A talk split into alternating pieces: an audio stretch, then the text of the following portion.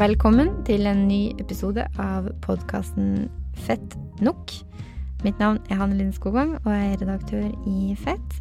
I denne episoden så får du en eh, spesialepisode, og det er en innspilling fra et arrangement som vi hadde i samarbeid med Ren Mat på Skatten i Oslo.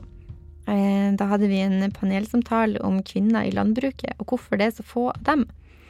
Og i dette panelet så satt Karin Hovde, Stina Mehus, Jorunn Henriksen og Kjersti Hoff. God lytting.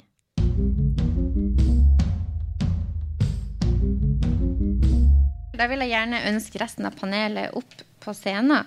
Og det er altså Stina Mehus, som er økologisk bonde på Eikatoppen gård og inspirasjonsbonde i Landbrukets økoløft. Jorunn Henriksen, som er styreleder i Norges bygdekvinnelag. Og Kjersti Hoff, som er leder i Norsk bonde- og småbrukarlag. Så jeg kan gjerne klappe de opp på scenen.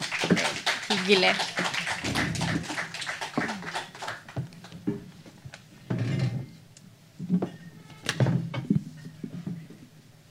Ja, velkommen eh, alle sammen. Eh, veldig Jeg er spent på hva dere har å si. Men jeg tenker kanskje eh, For jeg tipper det er litt sånn varierende kunnskapsnivå på sånn hva dere jobber med, og hva dere gjør. Så jeg lurer på om vi først kan ta en liten runde i panel, rett og slett. Sånn, kan, kan, ikke dere si litt om hvordan dere jobber med likestilling i landbruk? I organisasjonene dere representerer. Men også liksom, Har dere gård? Altså, ja. En sånn kort presentasjon som lar oss bli litt kjent med dere. Ja? Skal jeg begynne? Ja, gjerne. Ja, jeg er jo leder av Norsk bonde- og småbrukerlag. Og vi har jo alltid vært opptatt av at òg kvinner skal være en eh, viktig del på gardsbruka. Så når eh, odelsloven ble endra i 1974 med tilbakevirkende kraft til 67, så var faktisk Norsk bonde- og småbrukerlag den eneste landbruksorganisasjonen som var enig i den endringa for å øke og gi mulighet til at eh, kvinner òg skulle få ta over på lik linje med menn. Bygdekvinnelaget, eller den gang Bondekvinnelaget og Bondelaget var imot. Så det sier noe om endringer i landbruket. Og det, det syns jeg er litt viktig å ha med seg som et bakteppe. Jeg er, eller jeg er ikke gårdbruker lenger. Men før vi ga over våres vår til dattera og svigersønn for halvannet år siden. Men vi har da, mannen min og jeg kjøpte et lite gårdsbruk for 32 år siden som vi har bygd opp og driver med økologisk mjølk og kjøttproduksjon. Og, og, litt grønnsaker. Og det er veldig moro når ungdommen da tar over og, og, utvikler det videre på sin måte, men fortsetter med mye av det samme som vi har. Tenker det. Klarer seg? Mm, kjempefint. Vi gir ordet videre til Jorunn. Ja. Jeg er jo da styreleder, som du sa, i Norges bygdekvinnelag. Jeg uh, har uh, Jeg er født og oppvokst på gård. Drev med mjølk. og jeg gifta meg til en gård. som jeg egentlig ikke skulle, men sånn gikk det. og vi driver kornproduksjon og helårsproduksjon av blomstrende potteplanter. Så vi driver gartneri. Så jeg har gitt over gården til sønnen. Men jeg kan godt si litt om akkurat den prosessen der. Men det er sønnen eh, vår, min nå. Jeg, jeg mista mannen min for ti år siden. Mm. Så, så, det er sønnen som nå har overtatt gården hos meg, da. Ja. Vi skal sikkert snakke mer om odel etter hvert, så da mm. eh, Ja, Stina. Ja, jeg heter Stina Meus, og jeg er her, her som inspirasjonsbonde fra Landbrukets økoløft, som er et prosjekt som prøver å få flere til å legge om til økologisk drift. Og eh, få nye bønder til å satse på økologisk landbruk. Eh, og jeg driver til daglig Eiketoppen gård i Drøbak. Der har jeg ammekyr, og jeg har eh, gammel norsk spælsau. En liten flokk med høner. Og så eh, har jeg litt gårdsturisme, hvor jeg har overnatting. Og så har jeg en gammel, fin låve som jeg har romantiske låvebryllup i. Ja. Mm. ja. Og du har også gård. Karin? Ja, jeg har en gård, jeg òg. Ja. Jeg leier ut uh, jorda, da. Eh, men en fun, fun fact det er jo at eh, det er ofte eh, eh, jenter som blir, er oppvokst på gård, de gifter seg gjerne til gård. Så det, det er jo fornuftig av bøndene, tenker jeg, å finne seg noen som vet hva de eh, går til. Ikke sant? Eller så kan jeg si at uh, to ganger i året, så, sånn cirka, da, så holder jeg foredrag om å elske en bonde. Ja. Det er yndlingsbeskjeftigelsen min. Ikke sant. Eh, jeg tenkte eh, Vi skal snakke litt om likestilling i landbruket her i kveld.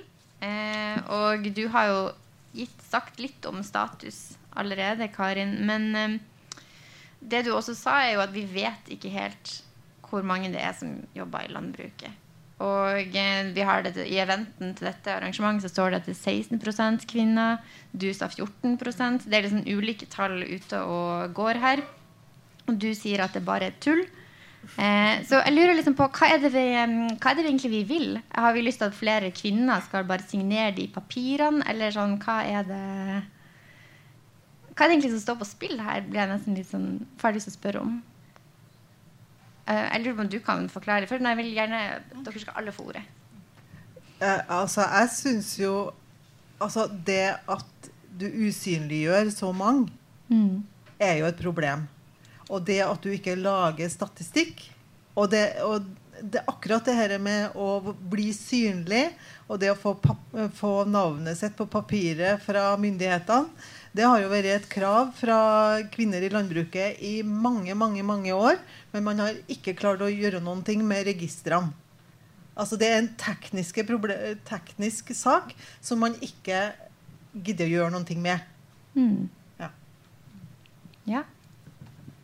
Ja, for det som Karin sier, at dette er eh, når du har et enkeltpersonsforetak som en selvstendig næringsdrivende har, om du er snekker eller om du er gårdbruker, så må det stå på navnet ditt. Mm. Og kun på ett navn. Og da blir det jo den som da vil være gårdbrukeren, eller den som da kanskje den ene Hvis den ene egger, hvis jenta egger, så tenker hun kanskje at ja, men da kan du stå på papiret. For det er litt sånn Vi, vi ønsker gjerne det. Jeg og mannen min vi kjøpte det gardsbruket vårt.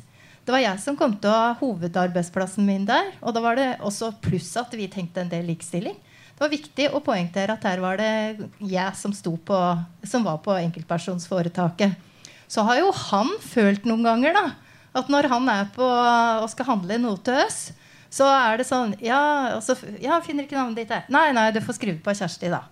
Liksom sånn, det, det, står på hender. Så, og det er jo den vi får fra mange kvinner. At jeg blir jo ikke sett. Mm. Men, men, dette er jo det samme for den andre. Så det er jo her vi burde kunne hatt med begge navna. Så vi har hatt flere runder på at uh, i hvert fall når du får mjølkeoppgjør, når du får oppgjør fra, fra, for kjøttet du leverer, eller kornet, så kan vi føre for begge. Det har, det har blitt veldig vanlig. Men du må be om det. Mm. Ja. Nei, det er som du sier, at det er jo, det er jo problematisk. Og det er jo noe med at hvis, hvis, er, hvis, gutten har odel, så er det gjerne hans navn som står. ikke sant? Og det samme som du sier, altså hvis det er eh, hvis det er jenta som har odel på gården. da. Men det, det, er jo alltid skjulte tall, så jeg tror at det her er mye Det er mange flere kvinner i landbruket enn de tallene viser. Det er jeg helt sikker på. Og det er klart at eh, hvis du flytter til en gård da, og du jobber 100-200% på gården, men du står ingen steder Det er ikke mulig. Men jeg, jeg tror at Jeg tenker at Jeg tror det skjer noe nå. Og jeg tror det skjer noe videre nå. Og jeg tror at den generasjonen som kommer, de kommer ikke til å godta det vi, vi, vi godtok. da Altså, jeg Jeg godtok å være under min mann. ikke sant? Sånn var det bare. Det var hans navn som syntes. Det var han det var han som kom på Felleskjøp. Det var hans navn overalt. Og du, jeg bare jobba. Bare jobba.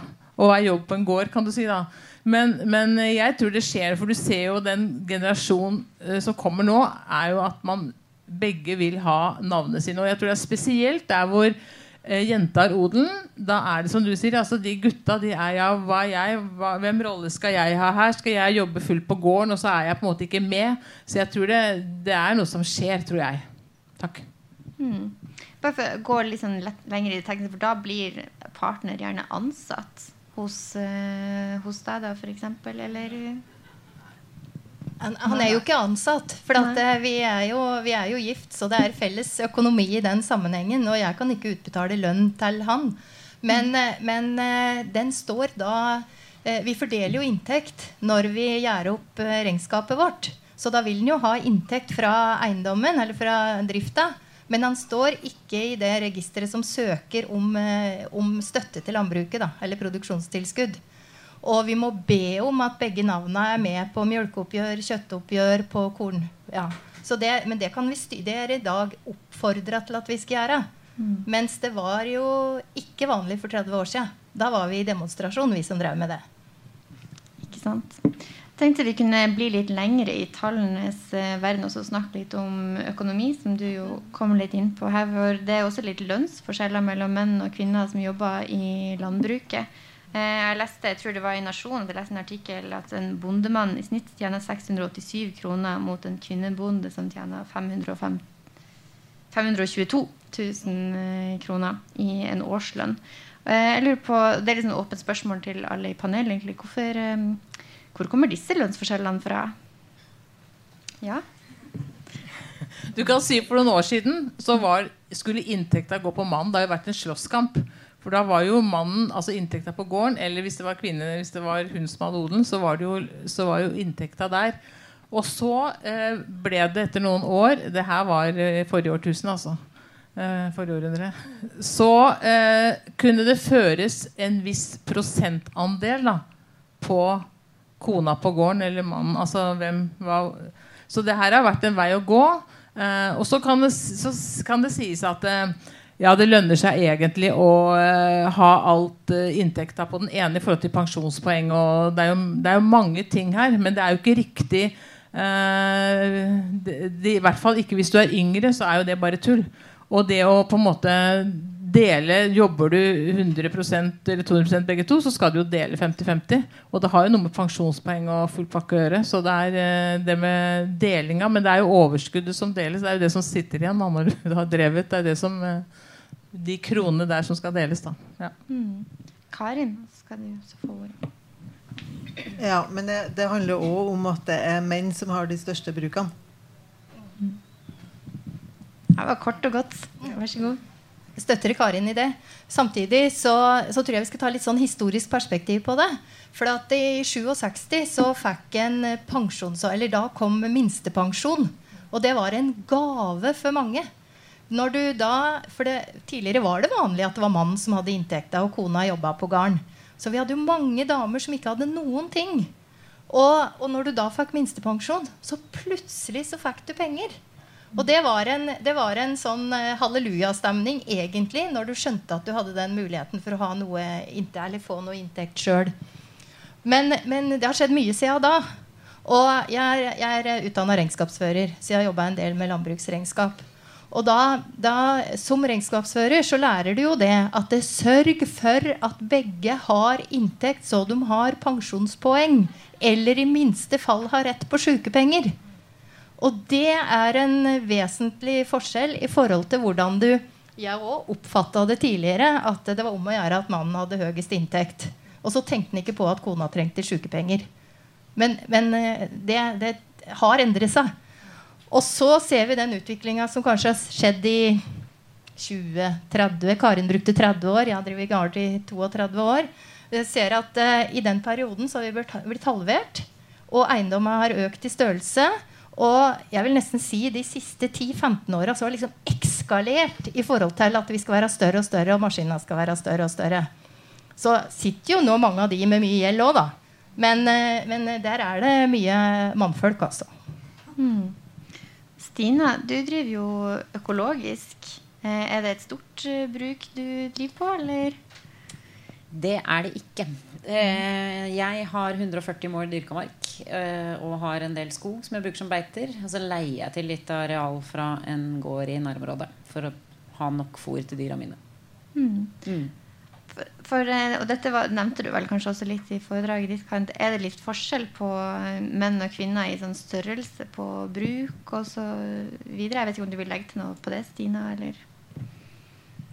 Um, ja, det er vel ganske lik Dette kan du bedre. Er det ikke en ganske lik fordeling eh, sånn kvinne- og mannsmessig? Men når det kommer over 500 dekar, så blir liksom Da øker mannsandelen noe helt vanvittig? Ja. For do, dobbelt så mye som kvinner, Både eller? i skogbruket og i landbruket. Både i skogbruket og landbruket så er det sånn. Ikke sant? Eh, jeg tenker eh, Vi var jo innom pensjonspoeng her også. Og eh, velferd mer generelt. Og det har jeg også lyst til å prate litt om, for jeg så en sånn undersøkelse fra 2018 der det var mange kvinner som oppga at eh, velferdsordninga var en sånn viktig motivator for at de skulle ønske seg inn i landbruket. Eh, så jeg er sånn nysgjerrig på livet som småbarnsmor, f.eks., som bonde. Og ja, hvordan Jeg vet at du har noen tanker om dette. Um, vi, vi har jo velferdsordninger i landbruket som vi har eh, avtale over gjennom jordbruksforhandlinga. Og det betyr jo at eh, når en er sjuk som bonde, så kan du få eh, får du av, eller støtte eller avløsertilskudd for sykdom for å kunne sette inn avløser. Men eh, det dekker jo det, det er litt i følelsen, eh, størrelsen på drifta di. Så har du en makssats på eh, 1970 kroner, ca. noe sånt. Ca. 2000.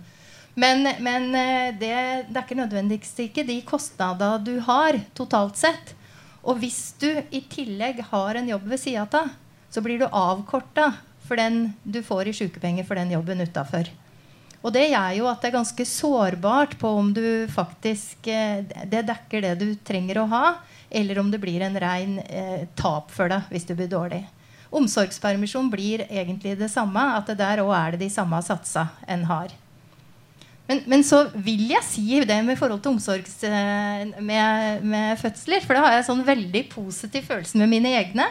For at eh, mine ungdommer tok jo over uh, gardsdrifta i, ved nyttår i fjor. Som har drevet ett og et halvt år. Vær så. Og så fikk de ei datter i oktober. De hadde, han hadde ikke noe grunnlag for å kunne få noe penger, for han hadde ikke tjent penger. Så han men da fikk hun all svangerskapsstøtte. Eller hun fikk bruke sin gjennom den jobben hun hadde fra før. Så de har hatt muligheten til å være hjemme begge to. Drive gard. Hun hadde jo jobba på gården i tillegg til at hun hadde gardsdrifta. Men de har kunnet være nå hjemme begge to og vært sammen med dattera si begge to. Og de har hatt nok å gjøre, så det er ikke det. Men det har gitt en veldig god start som få har mulighet til. Og det, det er en ekstraordinær positiv ting, men det er sjelden det er sånn, da. Stine? Um, ja, nå er det noen år siden jeg fikk barn. Uh, mitt første fikk jeg i uh, 2012. Uh, da hadde jeg hatt, eller overtatt gården etter moren min ja, knappe to år i forveien. Og var i en sånn situasjon at ja, jeg hadde starta opp, skulle bygge opp drift på nytt fordi jorda hadde vært leid bort i en 20 års tid. Og alle penger som ble tjent, ble brukt på gården. Så sjøl om vi hadde fått gode råd om at vi skulle sørge for at vi hadde lønn, så tenkte jeg ikke så veldig mye på det. da Fordi motivasjonen var liksom å putte pengene inn i går. Så når førstemann kom, så så jo vi hvor lite jeg hadde rett på. Eh, jeg tok eh, eh, tre uker permisjon før han ble født, og seks uker etterpå. Det er det minste man måtte ta da. Og faren tok resten av permisjonen. Så der slo det veldig uheldig ut. Eh, Jeg vet ikke om jeg ikke ville høre, heller. Det ble nå i hvert fall sånn. Eh, og det gikk bra. Eh, men når nestemann kom, da tenkte jeg at eh, en sånn barselperiode det skal jeg ikke ha en gang til. Han kom da to år etterpå. Og da brukte jeg den ordningen som du beskrev nå, med, med foreldrepenger. Eh, det var jeg jo veldig glad for at det var mulig å få refundert noe av avløserutgiftene som vi hadde. Men det tok veldig lang tid. Eh, vi måtte jo først dokumentere. Eh, og så skulle jo alt papirarbeidet sendes inn til landbrukskontoret for første behandling, og så til Fylkesmannen. Og de, jeg fikk ganske mange tilbakemeldinger om at det mangla dokumentasjon. Um, ja. Så alle utleggene ble tatt av oss privat, og vi var veldig glad for at vi hadde et mastercard vi kunne bruke på privatøkonomien akkurat da. Eh, fordi pengene kom Altså, han var født eh, februar, og vi fikk penger i desember. Mm. Ja. Ikke sant. Tror dere dette er et stort hinder for eh, noen kvinner å ønske seg inn i landbruket? Ja? Jeg, jeg tror det, det, at du må ha lagt opp kostnadene først, og faktisk eh, du, det, du må ha søkt om å få refundert det innen et år. Det må du. Men det er, jo, det er jo ikke det. Du ønsker jo egentlig å få dekka utgiftene dine med en gang. Og klart det er en utfordring for mange. Så, så Uh, her er det jo bare grunn til å mase på at uh, det er ganske reelt. Og det er ganske håndfast og greit å kunne få en utbetaling raskere enn det en eh, gjør i dag. Det er igjen litt av byråkratiet vi har, da. Ja, Karin? Så spørs det jo hvor mye man tenker på sånt da, når man eh, velger å bli bonde eller flyger eller eh, hva som helst. ikke sant? Så jeg tenker at uh, realitetene med, med, de velferdsordningene kommer når du står der. Og da oppdager du om det er godt eller dårlig, og motivasjon videre. Det jo Ja. Det gjør jo vanskeligere, da at eh, Og f.eks. så er det jo stor mangel på, på avløsere rundt omkring i landet. Så, så, det er liksom ikke så enkelt å bare få dekka, og så kommer det noen og ordn, tar fjøset for det. Det, ja, det er en del hinder til, da. Så jeg tenker først og fremst altså, du, du velger å bli bonde først, og så får du velferdsordningene i trynet. på en måte. Ja, sagt på en annen måte, Tror du at det er noen som faller fra eventuelt pga. dette? Du, du, kan jo tenke litt på det, så har Jorunn tegna seg til ordet. Nei, det er, altså, det er, jo helt riktig det du sier. Og vi gjorde vel samme feilen som Stina gjorde. Det er noe med at du, du eh, Når du skal starte og overtatt en gård, eh, så er det masse å gjøre. Du begynner For vår del så ble vi enige om at vi skulle vi fortsette, så måtte vi begynne å rive veksthus og bygge nye. Uh, og da var det jo bare å kjøre på ved siden av at vi skulle ha drift. ikke sant? Uh, så det var ikke så Plutselig så var jeg gravid, og vi skulle ha vår første. Og hadde jo ikke tenkt bæret på noe som helst.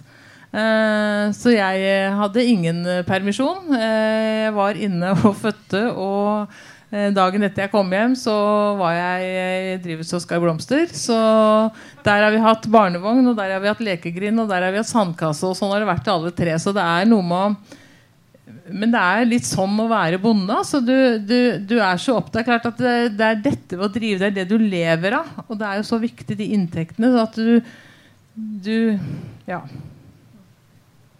Ja. Jeg tenkte jeg skulle henge meg på litt dette med å få tak i avløser. Altså jeg bor i Frogn eh, syd for Oslo. Eh, vi har et universitet i Ås. Det er heldigvis. For avløsere det får du knapt tak i i eh, mitt nærområde. Og i hvert fall ikke noen som har eh, allsidig kunnskap om husdyr. Eh, når jeg har sittet med min eh, fastlege og diskutert bekymringer rundt graviditet og barselperiode, så har det vært det Klarer jeg å skaffe en avløser og komme og gjøre jobben for meg, sånn at jeg kan ta vare på barnet mitt? Uh, og da satt hun lenge og tenkte på det, og så sa hun til slutt at eh, du, Stina, jeg tror det er lettere å skaffe barnevakt. Og jeg må si jeg har brukt innspillet hennes. Så jeg har brukt masse avløsere. Jeg har hatt masse flinke folk innom. Eh, studenter har, eh, som er på Universitetet i Ås, er rådyktige og eh, flinke til å jobbe og stå på, men de har også studier. Som kan ikke komme til alle døgnets tider. Eh, men eh, det å engasjere studenter til å være barnevakt, det fungerte fint for meg.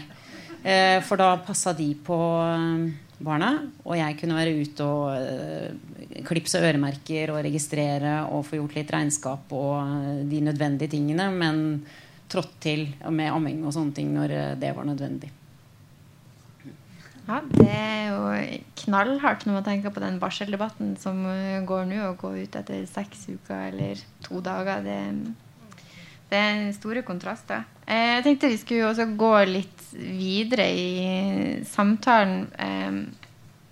Eh, og da har jeg lyst til å snakke litt Eller vi har allerede kommet litt på hvorfor er det sånn at det er litt færre kvinner i landbruket. Men og da har jeg lyst til å plukke opp en sånn kronikk som jeg leste av Hilde Bjørkhaug, som forsker ved NTNU, som skriver at forskning med kjønnsperspektiv på landbruket har vist det kulturelle heller enn formelle forklaringer på hvorfor ikke kvinneandelen blir høyere. Eh, det skriver hun. Og Vi har vært litt inne på det formelle, og for meg så høres det ut som at det er litt å jobbe med der også. Men eh, hva slags kulturelle forklaringer er det som vi er inne på her. Du snakka litt om mekanisering for eksempel, eh, i foredraget ditt. Karin, veldig kort. Kanskje du vil utdype litt? Um, har, noen sier at det er forskjellige innganger til, til landbruket. Og uh, du har den der dyreinngangen. Altså du vil inn i landbruket for du liker å holde på med dyr. Og så har du den der eh, traktorinngangen. At du har lyst til å kjøre store maskiner. Og jeg, jeg tenker at det som, som uh, har dominert da, de siste årene, det er denne maskininngangen. Så, så, det er jo en sånn kultur altså, hva, appellerer landbruket til? Hva, hvilket uttrykk har landbruket ut? Hvem er bonden, liksom? Og da, da er det den store, store traktoren med en mann på. Kanskje. Ja, vær så god. Jeg har jo tenkt at uh, det er kjempebra at det fins menn som er interessert i maskiner og reparasjoner. Så kan vi damene gjøre det andre arbeidet som uh, vi kanskje trives bedre med. Uh, jeg har i hvert fall kommet frem til det at når jeg skulle bygge opp gårdsdrifta på gården min, så lærte vi på landbruksskolen at du skal lage deg kalkyler for om du skal eie eller leie. Eh, og det har jeg gjort på flere maskiner. Og jeg syns det er ganske enkelt eh, regnestykke når du eh, har dyktige mannlige og også delvis kvinnelige bønder som har gode maskiner og godt utstyr og er interessert, som kan kjøre fra nabokommunen og f.eks. gjøre rundballopressinga, sånn som jeg får hjelp til. Um, og så kan jeg bruke tida mi på andre ting. Ja. Ja, og så er det sånn i dag at det er på en måte Maskiner og redskap er så dyrt. Sånn at det er jo mer i, i trend nå at man um, Man gjør som Stina sier. Altså at man uh, Det er en som kjøper en svær traktor med svær tresker, og så tresker han kanskje på noen uh, for noen naboer eller litt rundt om. Og det samme er altså med andre maskiner. For det er jo uh, en utrolig kostnad å sitte med den maskinparken.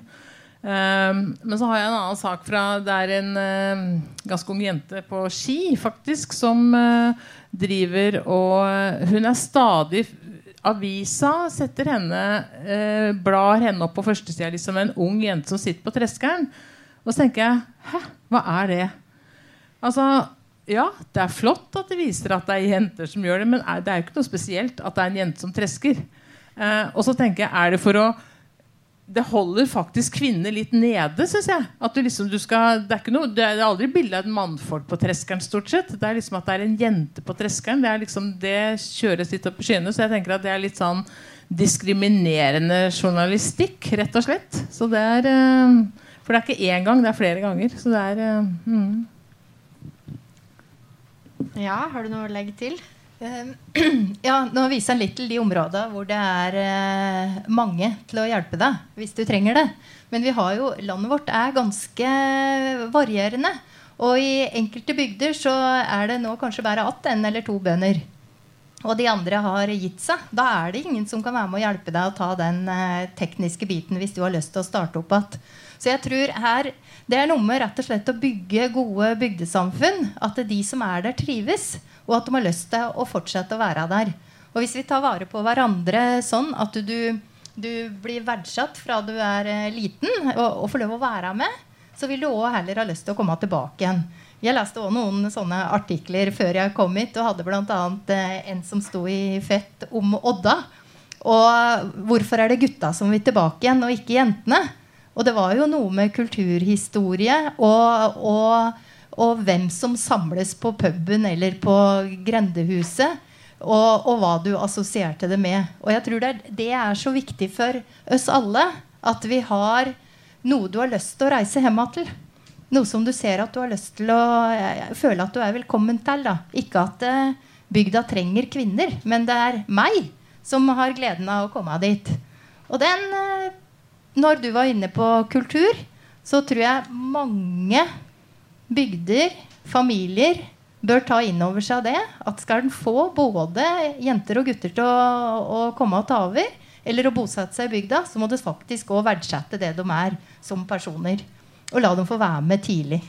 Mm. Og, ja, du skal få ordet. Bare, når dere snakker litt om sånn, hva jenter er interessert i, sånn, så får man også tenke For det fins jo også noe forskning som viser sånn eh, jenter som vokser opp på gård, kanskje blir mer sosialisert. Du var også litt inne på det med at det har veldig mye å si om du får være med far eller om du får være med mor. og sånn. Så ja, det er jo litt sånn født sånn eller blitt sånn eh, tematikk her eh, også, da. Tenker jeg. At eh, kanskje vi må gjøre noen sånne hestehandler og ta med jentene på treskeren eh, litt oftere.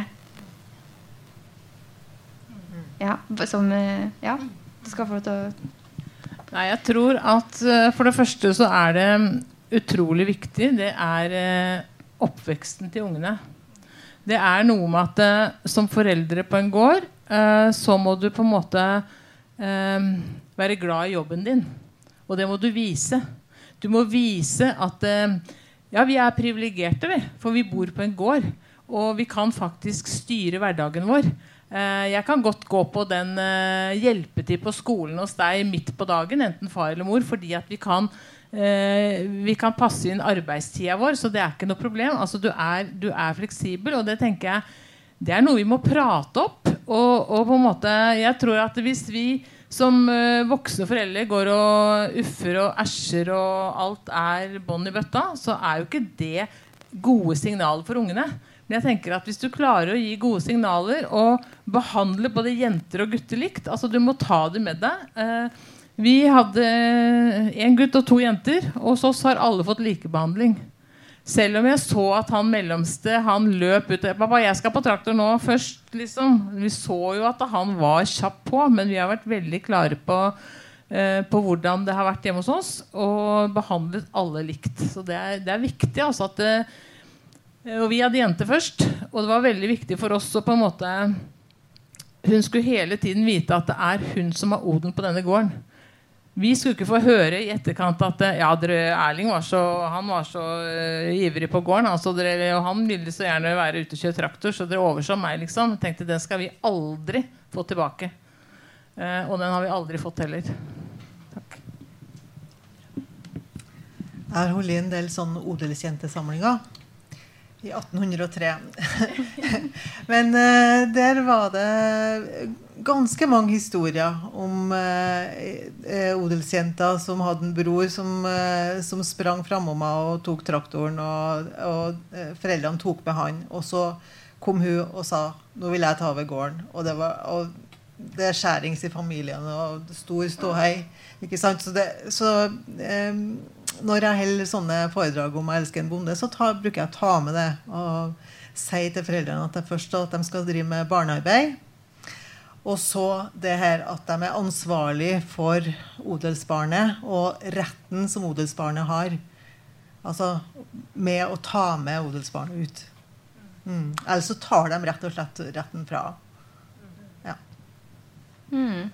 Vi fikk eh, Eller det var ren mat, men jeg kan jo gjengi det her på deres vegne helt anonymt. Vi fikk en melding i forkant av dette arrangementet også fra ei som hadde saksøkt broren og faren fordi de hadde tatt fra odelen i all hemmelighet. Og så hadde det ikke blitt oppdaga innen fristen, som er seks måneder. Så det hadde blitt en sånn lang rettstvist og sånn etter det. Og eh, vi, vi, trenger ikke å diskutere denne saken i detalj heller, og vi kjenner jo ikke detaljene her vi sitter så det er kanskje ikke så mye poeng i. Men um, kan, tror dere at det fins mange sånne historier eller som er beslekta der ute? Ja. Kjersti, du kan Eller? Um, jeg tror særlig rundt den når odelsloven blei endra. For da, den ble jo tilbakevirkende kraft. Og dermed så var det jo mange jenter som da plutselig fikk odel. Og familien hadde jo oppdratt denne odelsgutten. Og så fikk de, Der ble hun nok hemmeligholdt ganske lenge på at det var en endring av rekkefølge. Og jeg, det er jo de som er eh, omtrent på alder med meg. Så, så, der kjenner jeg mange som uh, har hatt ja, rett og slett det har vært vanskelig. Så går jo ting seg til etter hvert. Du blir mer uh, Sånn var det da. Og forstår. Men, men mange der har den eh, ballasten med seg i familien sin. Mm. Ja, Jorunn? Ja, jeg skulle vel si det samme, men jeg tror at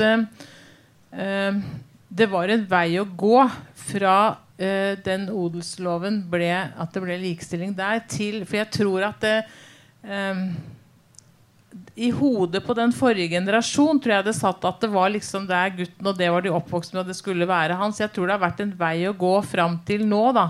Så jeg tror hele forrige generasjon på en måte har hatt, måttet jobbe med den biten. Og der tror jeg fortsatt at det, Eller blant de tror jeg selv om etter det du sier også, tror jeg at det var liksom Ja, men det, det er han, vet du. Det er han som Det går ikke an at jenter kan drive. ikke sant? Nei, nei, nei, det er en stygg sak. Og uff, uff, hun orker jo ikke. Og at det er liksom gutta som blir dyttet fram, det tror jeg har vært eh, litt i det skjulte og ganske lenge. Men eh, jeg tror det skjer noe nå framover. Og jeg tror ikke vi skal være bekymra for at ikke jenter kommer seg fram og opp nå. Det, jeg har tro på det. Um, jeg har ikke blitt dytta bak i det hele tatt, men jeg var ikke interessert i landbruk når jeg vokste opp. Jeg syntes det bare var så innmari mye jobb og slit hele tiden. Jeg begynte jo hver eneste sommerferie, skoleferie med å stå to uker på vedkløyveren eh, før vi kunne ta ferie. Eh, og det, det, var jo en del av opplæringa, men jeg drømte ikke om å bli bonde. Det var på en måte noe som meldte seg eh, når jeg ble eldre. Så det valget tok ikke jeg før eh, jeg var 26. Da begynte jeg på landbruksskole. Eh, og det var lillebroren min som har gitt meg opplæring i traktorkjøring i en alder av 26. Eh, da hadde jeg aldri sittet inn i den traktoren. Jeg hadde bare stått bak der. men det har gått. Og jeg tror i min familie så ble de jo veldig overraska over at jeg valgte å ta over gården. Men det som skjedde for meg, var at jeg innså at den ikke trengte å være lik drift som det det hadde vært der i generasjonene før meg. Det måtte ikke bare være kornproduksjon eller grønnsaksproduksjon, men det kunne bli mitt eget sted, og jeg kunne dra folk inn til gården i større eller mindre grad som det passa meg. Eh, så jeg syns i hvert fall at jeg har fått en arbeidsplass som matcher bra med meg, med både litt landbruksproduksjon og litt folk inn på gården. Kan jeg spørre spør deg, siden du er litt sånn aktiv bonde nå, om du syns familien din tok det greit at du skulle bli bonde? Hva med folk rundt deg? Sånn, ellers har du, har du møtt noe diskriminering på din vei til å bli bonde, f.eks.? Eh, jeg måtte gjøre meg litt markert på Felleskjøpet når jeg begynte å skulle handle der. Fordi de, jeg tror de, de tenkte at jeg var hestejente. For jeg ble i skifla inn i den avdelingen der, men det lærte de fort. Eh, nei, jeg har opplevd veldig altså Frogn, hvor jeg kommer fra, er det en god kultur. En god landbrukskultur hvor vi er eh, åpne og eh, heier på hverandre og støtter hverandre. Og det er i grunnen det jeg opplevde når jeg kom tilbake. Det var flere som lurte på om dette med økologisk drift kom til å gå og klødde seg litt i hodet over det. Men eh, ikke opplevd fordommer eh, knytta til kjønn eh, og det å drive gård. Nei. Det er jo veldig godt uh, nytt, tenker jeg. Eh, Karin, du er jo forsker i dette panelet. Jeg lurer på sånn, Når vi snakker om dette med kultur og kjønn på gård og sånn, eh, har du noe Deler du den optimismen som jeg føler hersker i panelet her, om at dette går riktig vei? Nei. altså Likestilling eh, skjer ikke av seg sjøl. Vi må jobbe med det. Vi, vi er nødt til det. Sant? Og eh, det her med at vi tror at uh, man må velge sjøl. Ungene må finne ut sjøl hva de vil. Og det unger velger det de vet, og det de kan noe om. Og hvis de ikke blir introdusert, eller at man kjønner det de blir introdusert for, så velger de etter det. Så, så det her med å jobbe med å vise fram kvinnelige rollemodeller, det å, å gi eh, jentene eh, erfaringer med traktor og landbruk, det er kjempeviktig. Så de ser sin, at de har en rolle. Og det er òg med partner i landbruket, å få, å, å få, rettigheter til dem som blir gifta inn, og, og, og eh, stimulere dem til å ta sin plass og, utnytte den, den, muligheten de har. Det kan òg være en måte å få flere kvinner inn. Kjersti? Vi har jo, eller Med Facebook nå så fins det mange nettsider. Og du har jo ei, ei som er liksom åpen, åpen, for alle. Så der har du alle mennene, og alle, alle, er med der. Det er egentlig ei side med masse skryt og en del drittkasting. Så har du en egen side som er for kvinnelige bønder. Eller Nettverk for kvinnelige bønder. den heter. Der stiller de spørsmål om ja, hvor mange, mange rundballer eller mange runder må jeg pakke rundballene mine med, med plast? Eller nå er det noe galt med denne grisungen. Hva er det jeg kan gjøre? Og hva skal jeg gjøre for å få med Nå har jeg en unge på ett år, så skal jeg få den til å, å trives i fjøset. Så det er mer en sånn konstruktiv prat til hverandre for å bygge hverandre. Så der, der mener jeg at kvinner er flinkere til å se hvordan kan vi hjelpe hverandre. Og, og en er jo ikke så mange, så en trenger egentlig et annet kanal enn naboen da, for å kunne nå ut. Og når jeg ser på min eh, datter og svigersønn, så har de ei jente på ett år nå. Og Før dagen så var jeg og tok fjøsstellet. Og da sitter hun i sånn huske. Først så sitter hun litt i vogna, og så Egentlig skulle ha sovet, da, men det gjorde jeg ikke. Så, men eh, da sitter jeg først i vogna, så flytter jeg den huska. Så driver vi jo der og prater når jeg mjølker, da, fordi vi har en mjølkegrav. Og så tar dattera mi tar traktoren og reiser etter noe fôr. Og da sitter jo den ettåringen så brr, brr, sånn. Eh, og, og der, har jo, der, har det jo endra seg mye, for nå kan hun være med i traktoren. For nå har du sete, så ungen kan være med i traktoren. Så den eh, lille ettåringen sitter da i et sykkelsete på, ved sida og kan være med. Hun skal ikke sitte der hele tida, men du får et helt annet forhold til alle deler av landbruksdrifta enn det en kunne få til tidligere. Og, og det å introduseres tidlig, det er viktig. Det er, for um, når vi dreiv, da, så var det jo sånn at ja, mamma kjører den lille traktoren, og pappa den store traktoren. Det var litt sånne bilder vi hørte da at unga kom med. Ikke fra meg sjøl, men fra andre plasser. Så jeg tror at det mange er mer bevisst på det enn det en kanskje hadde mulighet til å være før. da. Hmm.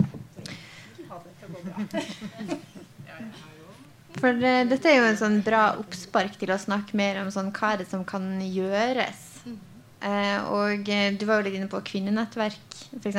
Hun som skrev om dette med den odelsretten, mm. også nevnte at hun skulle gjerne ønska seg flere sånn kvinnenettverk der hun kunne spurt mer til råds på hva hun skulle gjøre med saken eh, sin. Du er jo styreleder i Bygdekvinnelag, Jorunn, så du representerer jo kanskje et sånt kvinnenettverk der man kan utveksle litt erfaringer, eller? Nei, altså Eh, bygdekvinnelaget er jo Det het Bondekvinnelaget før. Og det mhm. er jo ikke for bondekvinner. Eller det er bondekvinner òg.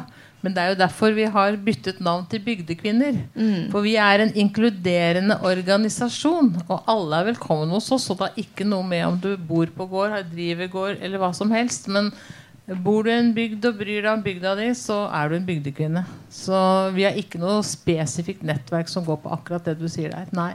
Nei. Vi er inkluderende over hele fjøla.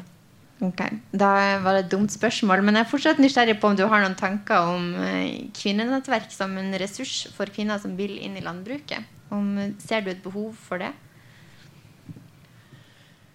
Ja, altså For det første så er jeg opptatt av også det der med Altså Jeg er ikke så negativ som deg. Altså, jeg tenker at det, det har noe med som jeg har sagt før, altså det har noe med læring og det har noe med å være med fra du er små. Altså, når du jobber da, full pakke, så har du ikke noe valg. Altså, da er ungene med. som jeg sier, De, de ligger i vogna og får uh, melk. Og så sitter de i en lekegrind, og de er jo med hele tiden. Og så er de jo med uh, Så er de i traktoren, og så er de i treskeren, og så er de ute og plukker litt stein, og de er liksom med på alt. Og du får det litt inn med morsmelka, som jeg sier. da um, og jeg ser at uh, Nå glemte jeg egentlig hva jeg skulle si, men jeg var i vei med å si et eller annet. Men uh, hender jeg prater meg bort. men um, uh, at det er et nettverk, at det er viktig. Uh, som du sier, at de har uh, Og jeg tror at terskelen er litt lavere for at kvinner kan spørre kvinner, kanskje. At du kan få råd enn Altså Mennene ser kanskje på jeg ser ikke helt heller. For jeg tenker at i Frogn, hvert fall, der vi bor, så er jo Jeg tenker at det samme hvem du spør, så alle er Altså ja, som Stina sier, vi heier på hverandre, men jeg tror nok dette er sikkert veldig ulikt. Og jeg tror kanskje noen av de største kara med de største jordene og de største arealene og de største traktorene, de Jeg vet ikke. Jeg føler at det er i ferd med å snu litt, altså. Ja. ja. Forrige dagen så var jeg på en eh, debatt eh, om eh, binding av karbon i jord. Mm.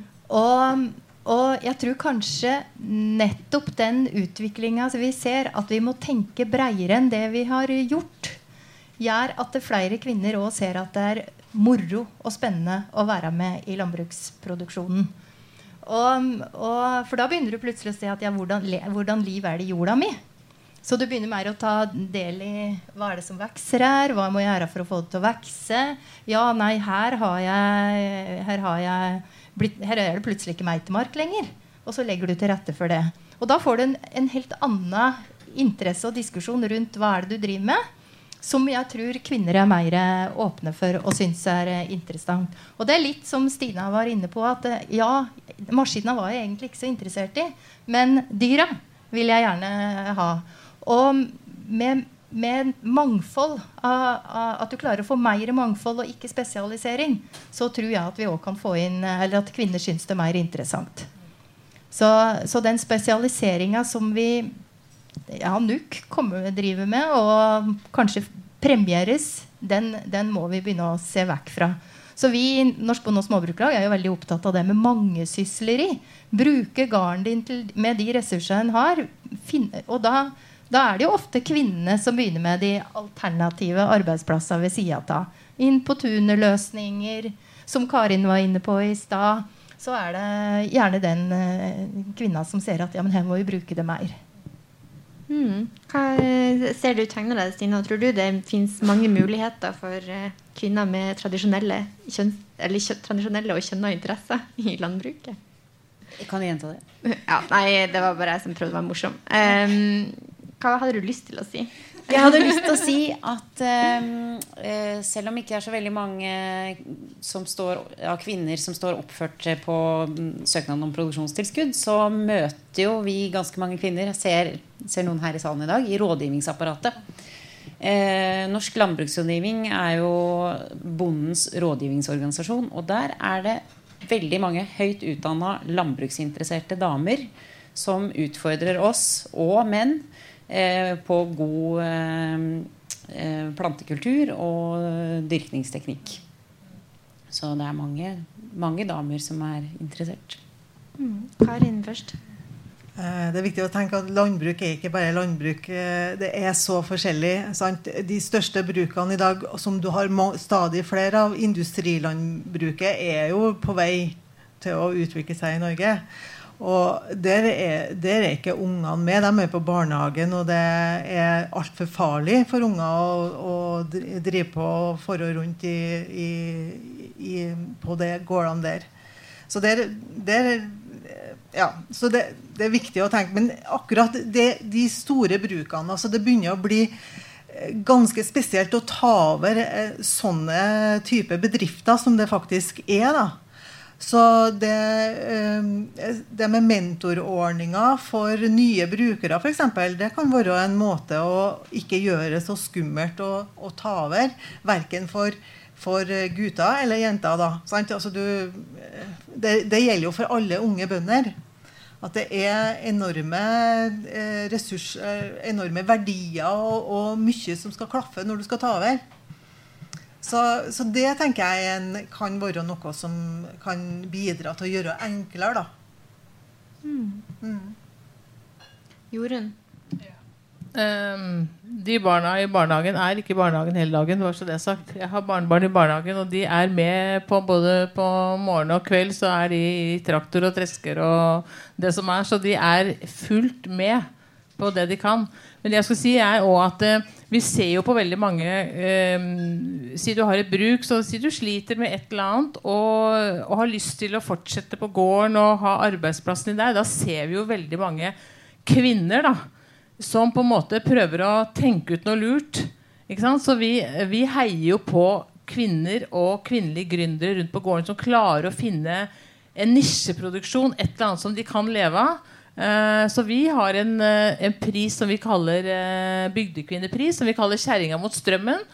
hvor vi heier opp kvinnelige, kvinnelige gründere på rundt på gårda som finner sin egen som klarer å livnære seg og finne sin egen arbeidsplass da, på gården med litt som det du sa, forskjellige produksjoner. altså Noen driver med det ene, og noen driver med det andre. Men de klarer å finne produksjon som passer inn i det eh, gården driver med ellers. da. Eh, så vil jeg bare si at Det er også mulighet for å tegne seg til spørsmål etter hvert. Så hvis det er noen som har det, så kan de bare tenke, tenke litt.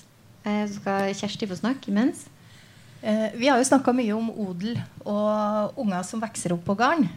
Men eh, det er òg det å komme kunne få kjøpt seg en gard. Det er vanskelig i dag. Enten du er eh, jente eller gutt. Og, og, det er en kjempeutfordring for oss i landbruket. At når prissettinga er sånn at skal du kjøpe deg et hus i Oslo eller i Hamar, så er det såpass dyrt at du må, må egentlig selge den garden din ganske dyrt for å kunne flytte dit. Så, så, og så blir den som kommer inn, eller kjøper, han må egentlig ha ganske mye penger på bok. Eller ha rike foreldre eller noe sånt noe, for, at, uh, skal, uh, for, uh, for, at du skal ha råd til det. For du kan ikke tjene de penga på garn hvis du ikke finner på masse annet i tillegg. da. Og det kan du, men du gjør ikke det med en gang. Så, så, det er en utfordring for oss. At landbrukseiendommer blir så dyre at vi ikke får inn uh, nye folk. Og at en heller slakter garn. Og når jeg sier slakter garn, så selger du deler. Og, og det, det, er ikke bra for landbruket, og det er ikke bra, bra for uh, matproduksjonen vår i landet vårt heller. Så der har vi en bøyg å gjøre for å kunne få priser som du kan prise på gardsbruk, sånn at du faktisk kan drive gard. Ja.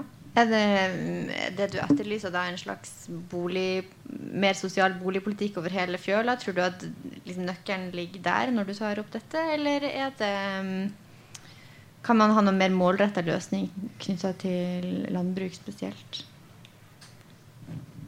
Det var jo som boligsosial politikk før, ja. vet du. Og det er den jeg eh, kom til at det måtte være da det snudde veldig. Og så har vi òg det med Vi har jo hatt konsesjonsplikt på landbrukseiendommer. Sånn at du har ikke kunnet gått så høyt i pris. Men eh, når markedssituasjonen og den eh, politiske retninga vi har hatt i Norge i flere år, så er det plutselig at prisen kan gå opp allikevel. Og da har du mista styringa på det å drive landbruksjorda for den enkelte gårdbruker. Eller å få en akseptabel pris. Og det er vanskelig. Dette er ingen quick fix, men det er utfordrende for slippe for at nye skal få komme inn. Og det er jo mange som har lyst til å drive. Og så er det en god del av de som har retten, men har, syns det er fint å bo der, men de har ikke lyst til å drive. Hmm. Vi har jo vært innom flere utfordringer og kanskje noen løsninger. Hvis jeg skal prøve å oppsummere litt så har jeg vært innom nettverk, boligpolitikk, eh, altså registrering av hvem som eier eh, eller som driver gården. Eh, og også permisjons Eller sånn kanskje litt noe der, vet ikke helt akkurat hva, men noe knytta til eh, velferdsordninger. Er det noe dere eh, er det noe å legge til denne lista? For å være litt sånn, hvis man skulle hatt, Nå er det jo stortingsvalg om et år god anledning til å komme med noen konstruktive forslag til politikere for eksempel, som kanskje ser på. Ja? ja jeg tenker at det er utrolig viktig eh, med eh, eh, å bevare Vi har jo en eh, nullvisjon mot nedbygging av matjord. Nå skal jo eh, Bondelaget de går nå, Stortinget mener jo det er 4000 eh, dekar. Bondelaget går nå for to. Det derre å på en måte Vi skal dyrke mat på alt vi kan dyrke mat, og vi skal ha bosetting over hele landet, som er kjempeviktig. Og jeg tenker at eh, jeg tror det er Folk vet for lite om norsk matproduksjon. Jeg skulle ønske at det ble mye tettere mellom forbruker eh, og produsent. Jeg tenker at de som går i butikken, de putter ting i kørja, og de vet ikke hva det er. De vet ikke er det et norsk produkt. Hva er det for noe? Eh, er det, hvordan er det i Norge? Hvordan er man på sprøyting? Hvordan, hva inneholder dette kontra det produktet, samme produktet som vi får fra utlandet, kanskje? Eh, og det og, og på en måte Hvordan produseres eh, denne maten? Slang, vi, drev og treska, så bare slang jeg ut et bilde sa, eh, på Facebook og skrev liksom Ja, ja, nå er vi i gang med høsten. Og var helt uventet så hagla det inn med Å ja, hva er det? Hva gjør dere? Hvordan gjør dere det? Hvordan? Og så så jeg en svart åker. Hva er det? Hvilke korn er det? Så plutselig og tenkte, og så fikk jeg så mye Ja, kan du sende videre hva de gjør? Så tok jeg Vipressa Halm hva vi bruker den til. Det er så mye uvitenhet, så jeg skulle ønske et mye tettere Vi må klare å tette det gapet mellom produsent og forbruker, så forbruker blir mye mer bevisst på hva de kjøper og spiser. Og vi, for hvis vi får opp matproduksjon her, eh, og får de prisene vi skal ha, da tror jeg det blir mer interessant å drive jorda. Og det er flere som vil ta over, og det er flere som på en måte vil eh, For da tjener du penger. Og det er det vi må. Vi er nødt til å tjene penger i landbruket. skal vi drive. Mm. Du skal få ordet. Er det noen spørsmål i salen? Har jeg også lyst til å spørre? Ja, da, vi, da skal du få ordet først, og så tar vi spørsmål etterpå. Jeg støtter meg til det Jorunn sier. Jeg som økobonde er jo litt forplikta til å si at jeg syns jo at eh, politikerne våre bør sette seg et økomål. Eh, vi er eh, flere økologiske kvinnelige bønder enn vi er konvensjonelle. Vi er mange konvensjonelle òg, og vi er, vi er søstre. Men Eh, økolandbruket har en appell til kvinner. Eh, så om ikke det var andre gode nok grunner for å satse på økologisk eh, landbruk, så kunne jo i hvert fall kvinneperspektivet være med. Ja, da har vi et spørsmål. Jeg er litt usikker på hvordan jeg kan løse det best mulig smittevernmessig. For jeg har ikke lyst til å gi deg en mikrofon. Kan du bare snakke høyt, tror du?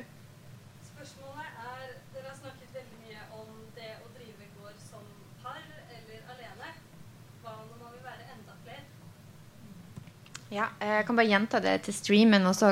Eh, hva, hvis man har lyst til å være flere som driver en gård går sammen, kanskje ikke bare par eller alene, men, men, enda flere. Er det noen spesielle panel du vil rette spørsmålet mot, eller er det åpent?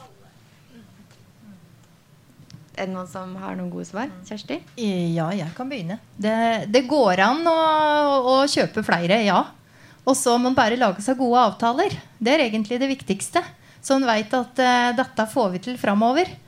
For det, vi har stiftelser, vi har uh, um, de som leier seg inn i forhold til andelslandbruk. Det er jo en enklere sak, for da er det ofte en som egger, men den lager et andelslandbruk.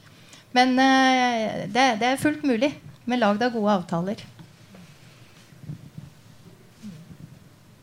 Er det noen som vil legge noe til det?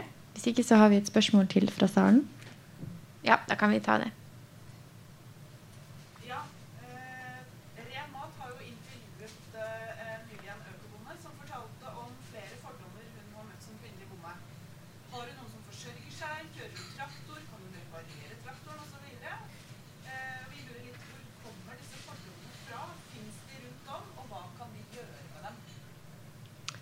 Ja, Spørsmålet er hvor kommer fordommer mot kvinner i landbruket fra, og hva kan vi gjøre?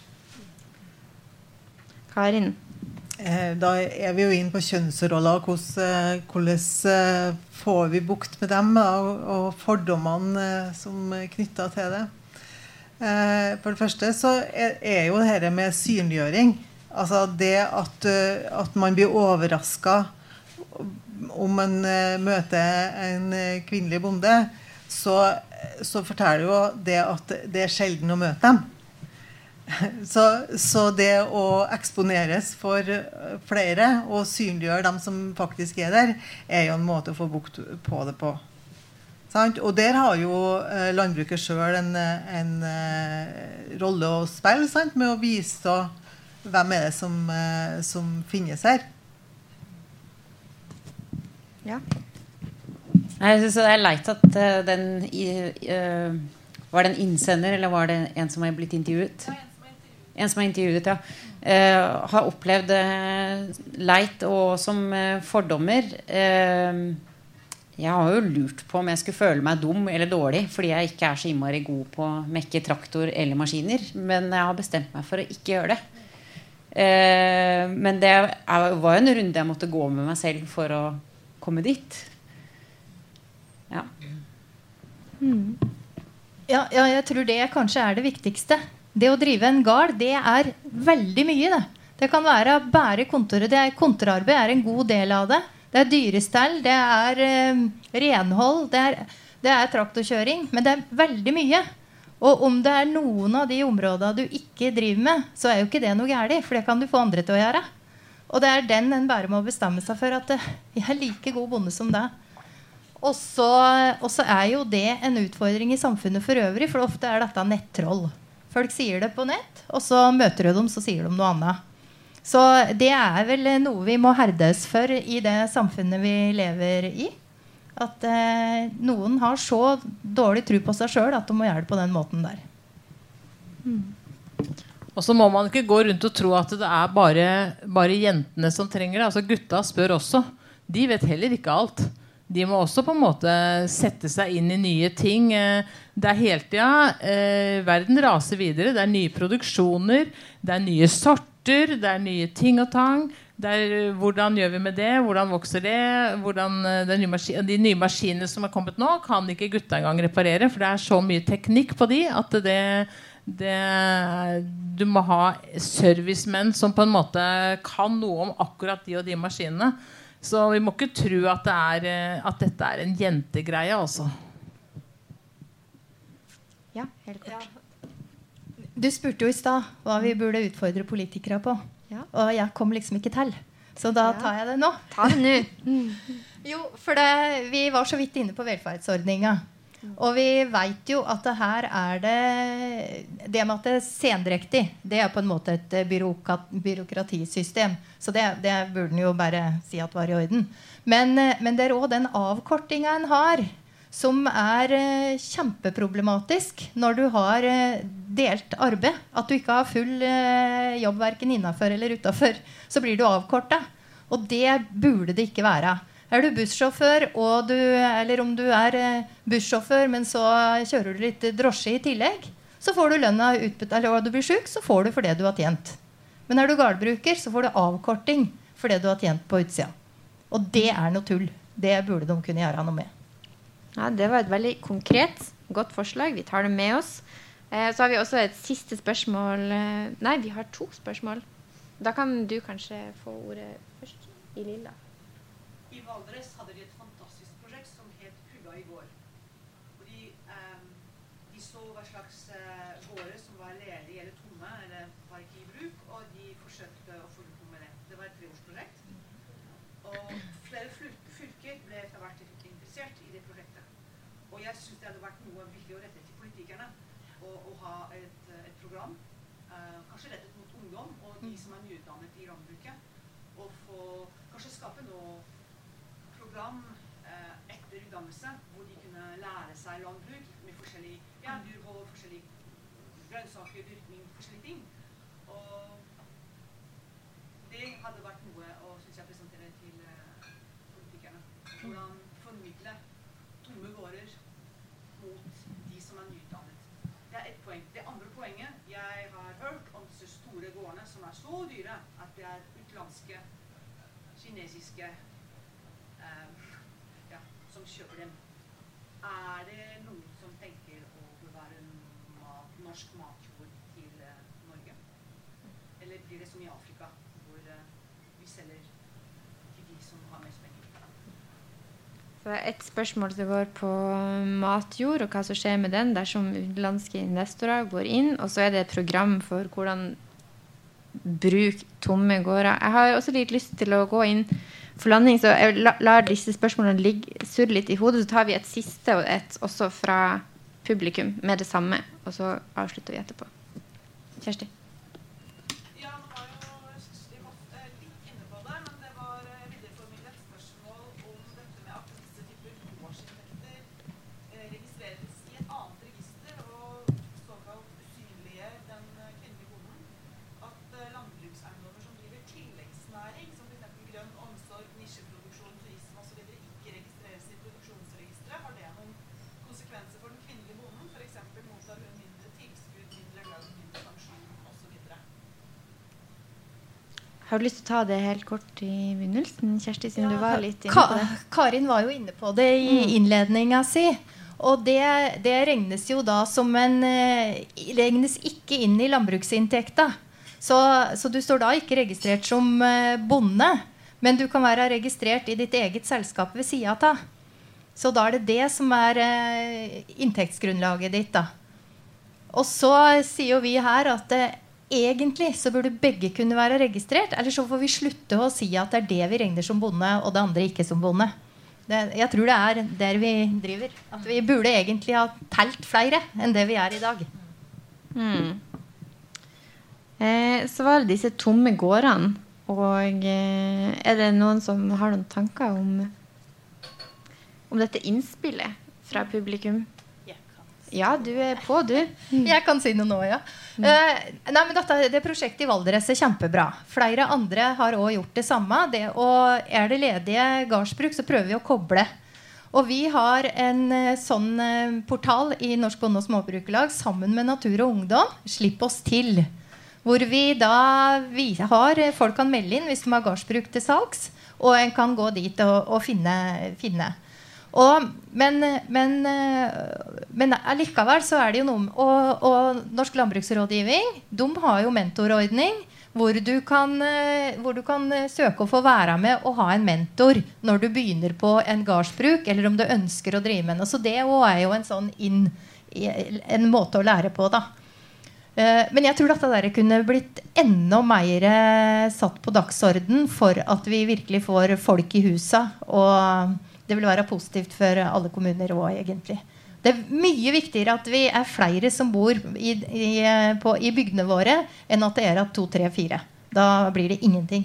Da er det ingen som vil være turister heller. Har du ikke lyst til å legge til noe? Eh, det var jo noe med det politikerne. Og, eh, og da tenker jeg jo altså Det med bærekraft og klima og det som vi står overfor. Så hvilket landbruk er det vi vil ha? Det er jo ikke bærekraftig å hente kraftfôr fra Brasil og, og kjøre inn i våre eh, kyllinger og, og dyr. Eh, sånn at, og samtidig så gro eh, utmarka igjen og ja.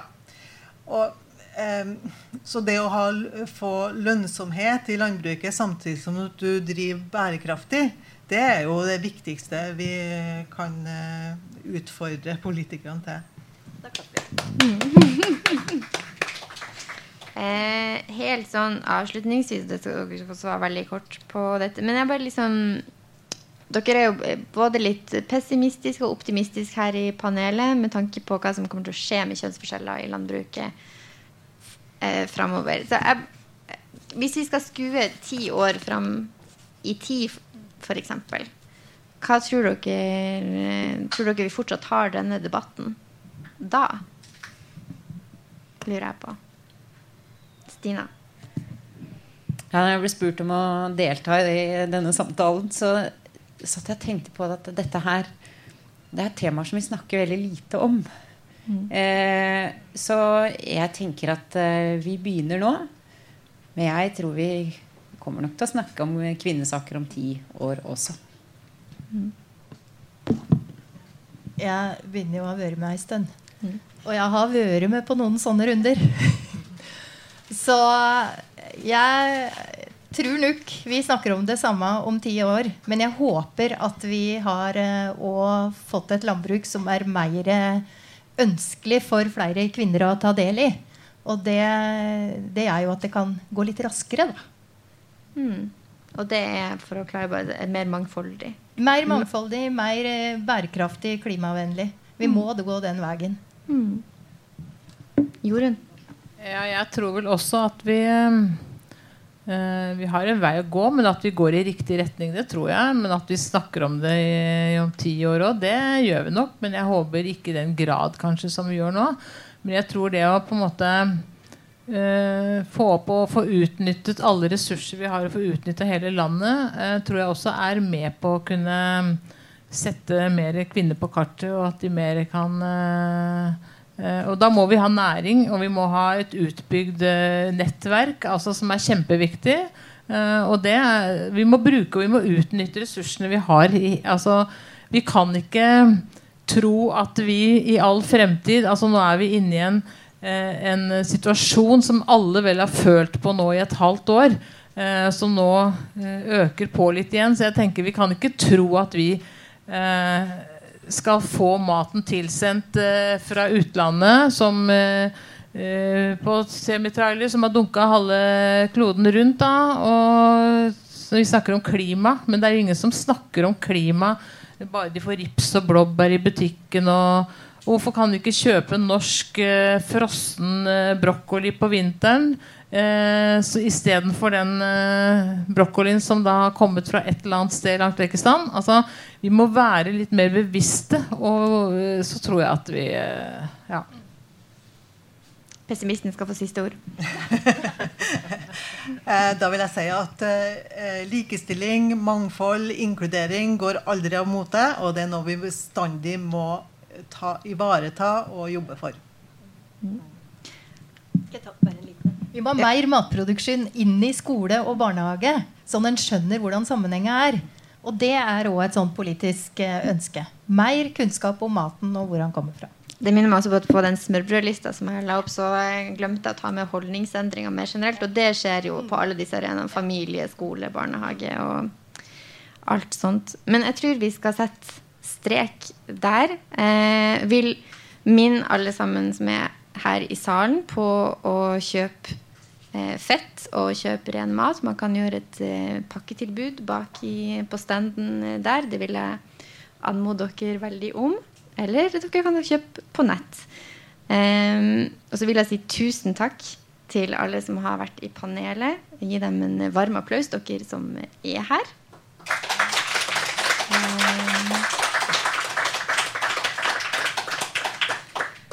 Ja, det har vært skikkelig spennende å høre på dere, syns jeg. Så det har vært veldig fint. Dere skal få en gave, alle sammen, selvfølgelig, fra Fett og ren mat. Og eh, så vil jeg jo selvfølgelig si tusen takk til dere som har sett på, på streaminga. Det håper dere er mange, men det er ikke så godt å si fra her jeg sitter. Ja. så eh, ja. Da tror jeg vi sier takk for oss. Bruk antibac og hold god avstand på vei ut av lokalet. Skål. Skål.